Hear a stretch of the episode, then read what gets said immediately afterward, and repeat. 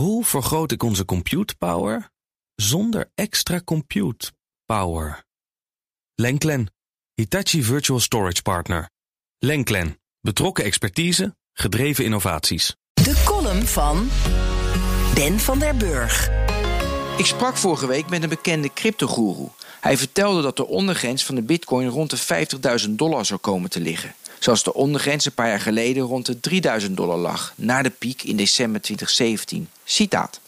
Of hij blijft nu een lange tijd zo schommelen tussen de 50 en 60.000 dollar en schiet dan door. Of hij gaat nu al direct naar de 100.000 dollar. Tenzij er natuurlijk iets vreemds gebeurt.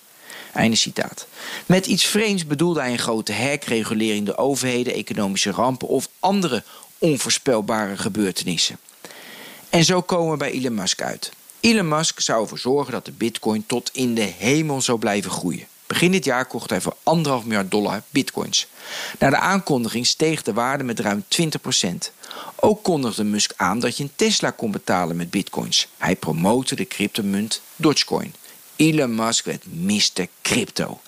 En wat doet hij 49 dagen later? Hij stuurt een tweet uit dat hij zich zorgen maakt over het gebruik van fossiele brandstoffen bij het mijnen van bitcoins. Hij staat geen bitcoin-transacties meer toe totdat er een duurzame oplossing is gevonden.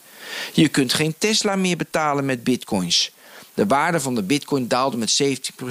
365 miljard dollar aan cryptomuntenwaarde ging in rook op. Het herstelde vervolgens wel iets, maar kom op zeg, dit gaat natuurlijk te ver.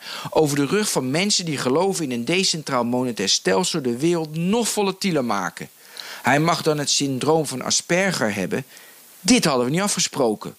Dat van Asperger bracht hij vorige week naar buiten in het programma Saturday Night Live. Ook zei hij: Ik weet dat ik soms rare dingen op Twitter zet of zeg, maar zo werken mijn hersenen nu eenmaal. Tegen iedereen die ik beledig heb, wil ik zeggen: ik heb elektrische auto's opnieuw uitgevonden en ik stuur mensen naar Mars. Dacht je dat ik een rustige, normale vent was? Nee, maar dan pleit je nog niet vrij om mensen te beledigen of de cryptowereld te stuipen op het lijf te jagen.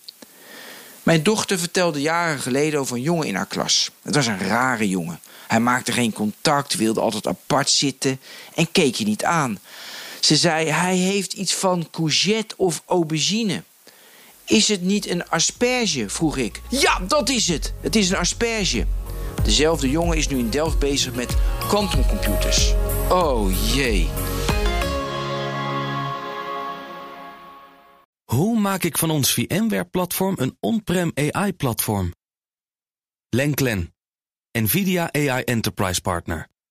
Lenklen, betrokken expertise, gedreven innovaties.